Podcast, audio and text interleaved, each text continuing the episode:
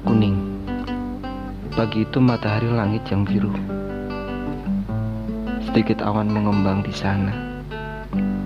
Burung-burung berterbangan mencari makan.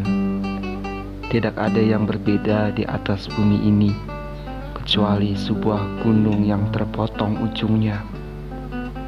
Terbang dan menindih kampung-kampung, menelan banyak suara teriakan dan raungan.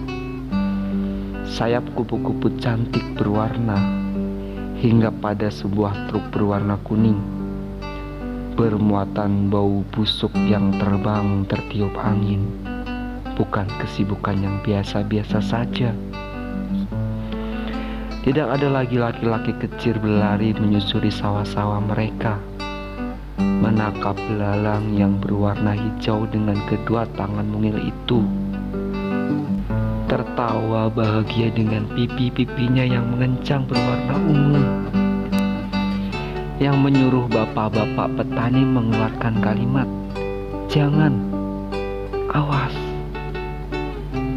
Siang itu biasanya para ibu-ibu mengantarkan makanan di dalam rantau yang berwarna putih dengan corak bunga berwarna merah yang menutup aroma harum masakan di dalamnya. Menyuruh dan meminta para otot-otot berhenti bekerja, menyantap, melepaskan lapar, dan memberikan senyum pujian kepada istri-istri mereka. Tidak ada pula yang tawa bocah kuno bermain sepak bola. Pada tanah lapang itu, cangkul merubahnya menjadi gundukan massal. Saling berdekatan jumlahnya, menambah suasana ramai dalam rindu.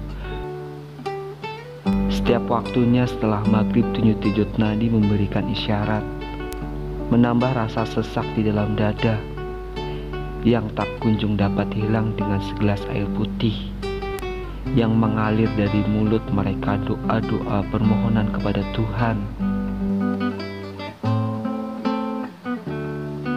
Tidak diketahui dan tidak ada juga tandanya yang mana si Anu dan si Anu itu di mana. Mereka tergeletak pada lubang yang sama, berupa list nama pada papan panjang di depan pintu yang kian ditatap, kian menambah sendu.